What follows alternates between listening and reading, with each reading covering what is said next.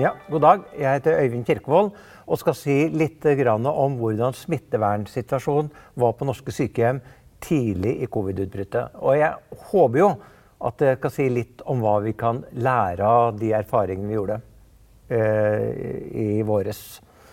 Eh, i den sorte pila her, den peker på 12. mars. Da stengte det norske samfunnet ned fordi at eh, vi hadde fått covid-19-smitte inn i det norske samfunnet. Og vi så hvordan utviklinga bl.a. var i Italia. Og med frykt for å sprenge kapasiteten på helsevesenet totalt, så blei samfunnet stengt ned. Og det fikk jo også konsekvenser for sykehjemmene. Så eh, Aldring og helse eh, fikk i samarbeid, eller litt på veiledning fra Helsedirektoratet, i oppdrag å kartlegge eller gjøre en undersøkelse av smittevernsituasjonen i litt forskjellige eh, settinger i samfunnet, bl.a. da i sykehjem. Eh, og hvis dere ser den røde pila her, så er det da uke 13, der vi Og det var vel 24. til 27. mars. Da kartla vi smittevernsituasjonen på norske sykehjem og litt forhold rundt det med smittevern. Hvordan det påvirka norske sykehjem. Eh, så da gjorde vi en slags statusgjennomgang. Hva slags utfordringer møter dere på ditt arbeidssted som følge av koronautbruddet? var spørsmålet vi stilte. Hva er konsekvensene for pasienter, pårørende og personale? Og hvilke tiltak er iverksatt? Det var tre spørsmål som vi da stilte forskjellig helsepersonell som jobbet i sykehjem. Det var helsefagarbeidere, det var ufaglærte, det var sykepleiere, det var avdelingslegere. Det var leger som jobba på sykehjem. Så det var en variert gruppe personell. Eh, og vi sendte da spørsmålene ut, og vi gjorde noen intervju, men det var strukturert intervju der vi tok utgangspunkt i disse spørsmålene eh, til da et tilfeldig, men ikke nødvendigvis representativt utvalg av sykehjem Eh, og mest i, på Sørøst-Norge, men også andre deler av landet. Vi fikk inn noen og tyve svar. Og de erfaringene som var, var at eh, når det gjaldt smittevernsituasjonen, var at det var store utfordrende angående eh, spørsmål om smittevern. Og mange hadde iverksatt omfattende tiltak. Og det de så ganske fort, var at det ikke hadde vært godt nok fokusert på smittevern før. Og verken på prosedyrer rundt smittevern eller på smittevernutstyr. Og de måtte snu seg veldig fort. Selv om mange sykehjem hadde erfaring f.eks. med MSRA eller med norovirus og smittevern og smittehåndtering, så så de det at de var absolutt ikke forberedt på dette. Og noen ansatte synes at ledelsen ikke snudde seg fort nok rundt. De synes at uh, her var det passive og vente-og-se-holdninger. Eh, og noe, enkelte ansatte fortalte at det ikke var iverksatt noen tiltak, og at de ikke får nok eller ikke fikk informasjon. Mens andre sykehjem beskrev kommun og kommuner beskrev da en dugnadsånd, og at ledelse og personale brettet opp armene og sto på for å få dette til. Eh, når det gjaldt det det hvor stor smittefare det var, og hva som var uttrykk for smittefare, da, så var det særlig satt fokus på at mange jobbet flere steder. Det var folk som jobbet på flere sykehjem. Små stillinger gjorde at de måtte jobbe flere steder for å få en full jobb. Og dette var særlig byene. Eh, det ble beskrevet for å ha forsvarlig smittevern så måtte nedstenge mange av tjenestene på sykehjem. De stengte kantiner, de stengte frisørsalonger, friarealene. Folk ble isolert på, eh, på rommene sine. Og personalet fikk ekstra arbeidsoppgaver. De skulle, alle ting som ble tatt på, måtte vaskes og sprites ned. Så dørhåndtak, bordflater, eh, eh, rekkverk osv. Så, videre. så det ble ekstra arbeidsoppgaver for personalet. Det ble også beskrevet at det ikke var like lett å overholde de reglene de fikk. Spesielt var dette å holde avstand både pleier-pasient og pasienten imellom. Og da var jo smittevernutstyr aktuelt. Hvis en ikke klarte å bruke holde avstand, så var det viktig med smittevernutstyr. Og tidlig i fasen så var det mange som opplevde at det var mangel på smittevernutstyr. Jeg tror alle sykehjemmene vi snakket med, beskrev det. Og det var eh, ikke alltid like hensiktsmessig, det utstyret en hadde heller. Og de måtte finne alternative løsninger. Som dere sikkert så oss på TV, at det var noen som snudde seg rundt og startet produksjon av flergangsfrakker. Det var egenproduserte desinfeksjonsmidler eh, osv. Det var også noen som beskrev at det ikke alltid var like lett å få tak i utstyret. For at uh, utstyr ble låst inne, for de var redd for at noen skulle naske utstyr til privat forbruk, eller hva de nå tenkte rundt dette. Så det var da avdelingsleder som kanskje hadde nøkkel, eller kanskje en sentral på sykehjem som hadde tilgang til eh, utstyret. Så det gjorde at det var en utfordring. Eh, testing. Det ble beskrevet liten kapasitet. Og det var også beskrevet at det var ikke like lett å få testet alle pasientene. Spesielt personer med demens kunne ha vanskelig å forstå hvorfor de skulle testes. Og som sikkert mange av dere vet, så er ikke det nødvendig en behagelig prosedyre å gå gjennom og bli testet for covid-19. Og dette med manglende kunnskap Mange beskrev at de ikke hadde nok kunnskap til å håndtere denne situasjonen. Vi vet ikke hva vi skal gjøre om det kommer koronasmitte til oss, sa én. Andre personell var bekymra for at uh, kollegaer ikke hadde forståelse for alvoret i situasjonen, og at de ikke tok uh, ting så nøye. F.eks. at de var usikre på om de dro på fest eller gjorde andre ting i fritida som ikke var forsvarlig. Og det skapte usikkerhet og engstelse. Eh, kommunene gjorde ganske raskt en del forberedelser. Eh, Bl.a. Eh, det var ombygginger. Det ble oppretta koronaposter rundt omkring. Det ble lagd koronaturnus. Noen prøvde å få da større stillinger, slik at de kunne ha færre som jobbet flere steder. Og det var omdisponering av personell. F.eks dagsenter som ble stengt, så ble personellet omdisponert til sykehjem eller til eh, andre tjenester i kommunen. Og dette førte jo da til også at eh, det ble endringer for personalet i arbeidshverdagen og i hvordan han skulle håndtere fritid.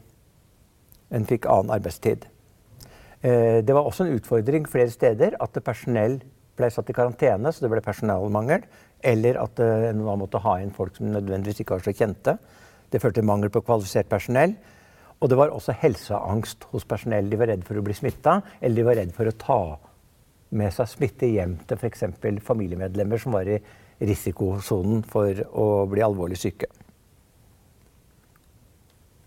Eh, det var lite fokus på beboernes situasjon i denne første fasen. Eh, vi fant i hvert fall få beskrivelser, eller fikk få beskrivelser av isolasjonssituasjoner. Noen steder så beskrev de faktisk at det var mer ro og fokus på daglige aktiviteter. Og flere sa at det kanskje var vanskeligere for pårørende enn for eh, pasientene. Andre avdelinger beskriver at beboerne reagerer med uro, mer forvirring, savn og sinne. Og for noen beboere, særlig personer med demens, så kunne dette med bevegelsesrestriksjoner, at de ikke fikk lov å gå ut av rommet f.eks., medføre utfordringer. Eh, et sitat. Det sendes mye informasjon om den krevende situasjonen landet nå står i. Dette gir angst, uro og utrygghet. Angst og uro og utrygghet hos beboerne blir behandlet med medikamenter istedenfor miljøbehandling og lignende tiltak, var da et utsagn vi fikk. Dette her var jo en stikk fingeren i jorda-undersøkelse. En uh, situasjonsbeskrivelse. Og vi ønsket å se om hvordan var dette eh, Ved en mer systematisk gjennomgang. Var dette representativt for landet? Og vi bestemte oss ganske fort for at vi måtte gjøre en mer grundig kartlegging av eh, smittevernsituasjonen på norske sykehjem. Så hvis dere ser den røde pila til høyre her nå, som da peker da ca. på uke 17-18, er det det? Så eh, da designa vi en studie der vi spurte mer systematisk, og vi prøvde å få et representativt utvalg av sykehjem fra hele landet. Og vi prøvde å få litt overrepresentativitet av sykehjem som hadde hatt eller hadde smitte, for å få, se om vi kunne sammenligne om det var forskjell på sykehjem som hadde hatt eller hadde smitte, og sykehjem som ikke hadde hatt eller ikke hadde smitte. Så den studien den er publisert i Sykepleien forskning, så dere kan uh, finne mer detaljer om denne her. Vi ønsket da å kartlegge hvordan avdelingslederen ved sykehjem selv vurderte evnen til å håndtere smittevern, tilgang på smittevernutstyr, testing av, smitte, nei, av personale og pasienter, rutiner for smittevern, kompetanse blant personalet. Og så ønsket vi da som sagt å sammenligne avdelinger med uten smitte. Vi, fikk, vi kontaktet flere sykehjem. Det var 82 sykehjem eh, som eh, sa seg villige til å delta. Og vi kunne ha inntil to avdelinger på hvert sykehjem, så vi hadde da 93 sykehjemsavdelinger. Så de tallene dere ser, det er eh, 93 sykehjemsavdelinger de er hentet fra. Alle fylkene i landet er representert. Og som det naturlige her, så er det flest fra Viken, som er det største fylket, og færrest fra Troms og Finnmark, som er eh, minste fylke når det gjelder befolkning. Det var 16 avdelinger, altså 17,2% som hadde hatt eller hadde smitte. Eh, det var et par sykehjem som sto midt i en hektisk smittevernsituasjon og sa at de ikke hadde kapasitet til å delta. De hadde nok med hverdagen med å håndtere smitte. Evnen til å håndtere smittevern. Eh, omtrent halvparten av avdelingen hadde innført restriksjoner eh, om å jobbe, på, å jobbe på andre steder. Så vil si omtrent halvparten hadde da ikke restriksjoner. Dvs. Si at folk kunne jobbe på flere steder. 60 eh, av avdelingen oppga at det var vanskelig enten nokså ofte eller meget ofte å holde avstand mellom beboerne. Og enda flere at det var vanskelig å holde avstand mellom beboerne og pleierne, personalet. 70 Når det gjaldt testing, så var det mye bedre. Da Da var det 97% som opplevde at de hadde klare regler for testing. Og 91% oppga at det sjelden eller meget sjelden var brudd på disse rutinene. Så da, når vi hadde kommet en måned etter den første undersøkelsene, så ser det ut som at testrutinene var kommet godt på plass. Dette bildet her det viser tilgang på smittevernutstyr. og Jeg har slått sammen de som svarer nokså ofte og meget ofte eller alltid. Eh, det tallet helt til høyre står P-verdi. Det viser eh, forskjellen mellom statistiske sikkerheten for forskjellen mellom S, som er smitte, og US, som er uten smitte. Og det viser at det egentlig ikke er noe stor forskjell mellom disse typer avdelinger når det gjelder tilgang på smitteutstyr. Og dere ser at 97% mener at det er tilstrekkelig med hansker. 75% mener at det er eh, riktige hansker. 85 eh, Mer enn 85% svarer at det er tilstrekkelig med munnbind. Eh, og like mange at det er, eh, riktig munnbind som er beregna på å beskytte personalet. 75 sier at det er tilstrekkelig med briller. Der svarer de med smitte kanskje noe dårligere enn de uten smitte. Nei, motsatt. De med smitte de sier av og til å bedre på alle når det gjelder briller. Eh, tilstrekkelig med engangsfrakker, som var et veldig stor diskusjon. Det sier over 80% Og igjen så er det ingen av de med smitte som sier at det, det meget sjelden eller aldri eh, er Og det er én avdeling som sier at det nokså sjeldent er tilstrekkelig med engangsfrakker. Ellers så svarer de aller fleste det, at det er tilstrekkelig. Og alle unntatt tre avdelinger svarer av og til eller oftere at det er riktige engangsfrakker også. Så tilgangen på smittevernutstyr ser ut til å være ganske mye bedre i, uh, midt i april enn det det var i 1. mars. Eller midt i mars. Så det er helt klart en forbedring. Og så er det tilgangen, da, eller bruken av smittevernutstyr. Og det vi ser, er at uh, her også så er det liten forskjell mellom de to typer uh, avdelingene, de som har hatt smitte, og de uten smitte. Uh, nesten ingen sier at de unnlates å bruke smittevernutstyr for å spare på smittevernutstyr.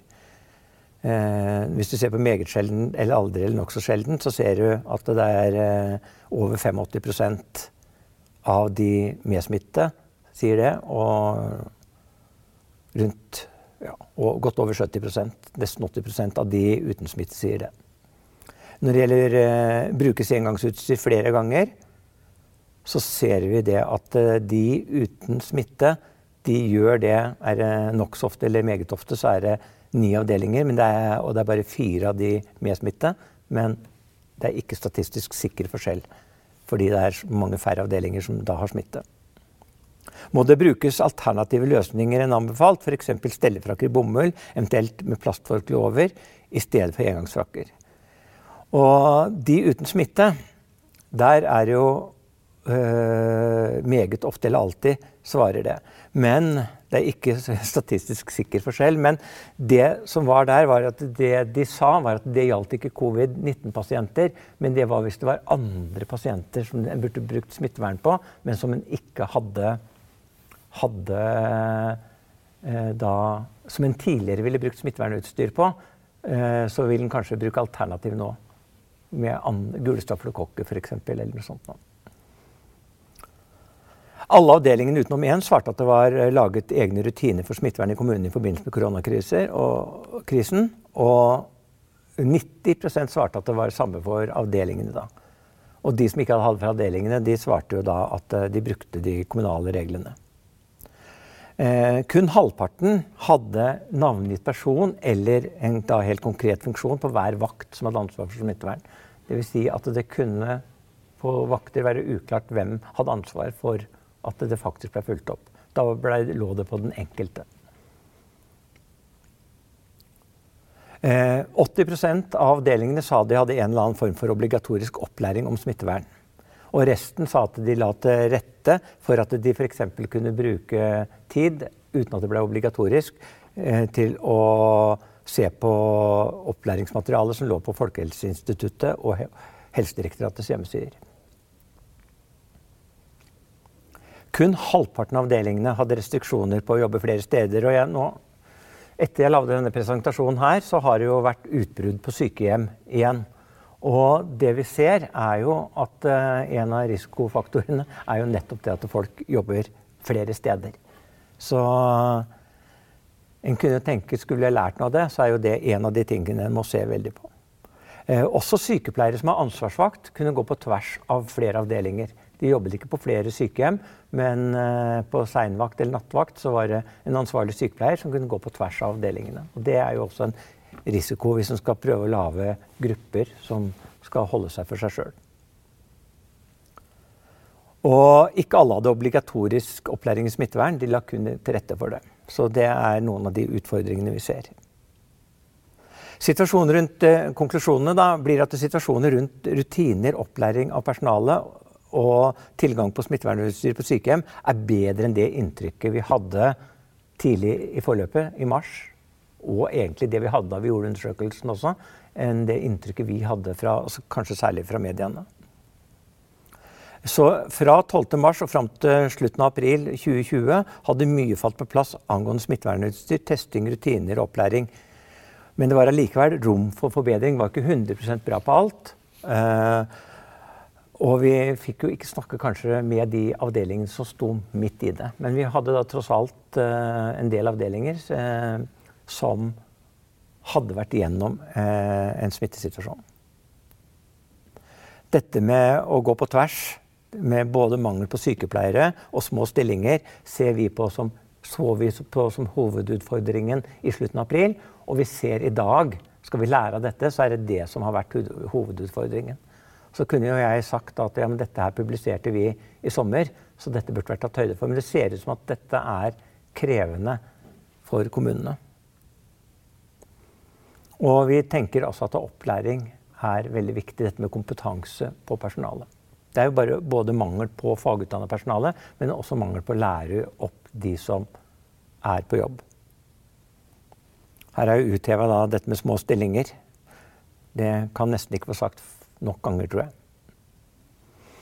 Så har jeg klippet litt. da. Dette her er rundt 20. oktober som jeg har klippet dette her. Hjemmetjenesten holdt på å rakne i mars. Fikk 69 timers arbeidsuke. Sykepleieren sliter seg ut i koronaturnus. Det føles som blodig urettferdig. Da begynte det i sommer å av, men mange steder så opprettholdt de koronaturnus. Og noen følte at de ble utnytta av arbeidsgiver. Og så begynte smitte å bli påvist. og Her er et eksempel av en avisoverskrift uh, fra Gjøvik. Stenger for besøk igjen i 20.10. Ansatte ved sykehjem i Skien har fått påvist smitte. Og dere vet nå at det er flere sykehjem som har fått smitte etter dette. Eh, hvordan er det da? Hvorfor var folk liksom mer avslappa i slutten av april? Og det jeg tenkt på, og Hvis dere ser den kurven her, så ser dere jo den svarte pila. Da stengte den ned. Og da gikk jo smittetallene bare oppover og dødeligheten gikk oppover. Og så, når vi gjorde den undersøkelsen i uke 13, der det så ut som det var nesten panikk, da var vi jo på toppen. Da så det ut som det bare ble verre. Men da kom jo effekten av nedstenginga. Og når dere ser en rød pil til høyre her, så ser dere at det da begynner det å roe seg veldig. Så jeg har tenkt på noe i ettertid. Når jeg skrev artikkelen, så tenkte jeg nei, situasjonen har blitt mye bedre når det gjelder smittevern. Men kunne det også være det at folk begynte å, se på disse her tallene og se at nå roer det seg, og at det også gjorde at folk slappa litt mer. Men det som skjer nå, da, det er jo at eh, hvis dere ser da til høyre her, at pilene går opp igjen. Og den siste jeg har her sånn, det er jo fra uke fire og før. Og etter det så har jo øh, kulminativet Her står den på litt over 19 000, 20 000, og nå er den jo over 36 000. Så her har jo smitten økt i samfunnet igjen. Så hvis vi hadde spurt sykehjemmene i dag hvordan er det med smerte, smittevernsituasjonen på sykehjemmene, så kan det godt hende at det, selv om de har tilgang på smittevernutstyr, selv om de har vært gjennom dette på våren osv., at de føler en viss frykt igjen og angst igjen. Eh, heldigvis så har ikke dødstallene det er bildet til høyre her, fulgt like mye med opp som smittetallene. Og det er fordi at det mye større andel av de som er smitta, nå blir identifisert. Men igjen så ser dere, hvis dere ser de to røde pilene, at uh, dødstallene var på vei opp uh, når vi gjorde den første litt mer uh, si, tilfeldige undersøkelsen. Og når vi gjorde den systematiske pila til høyre, så var jo også dødstallene på god vei ned. Ja, det var Takk.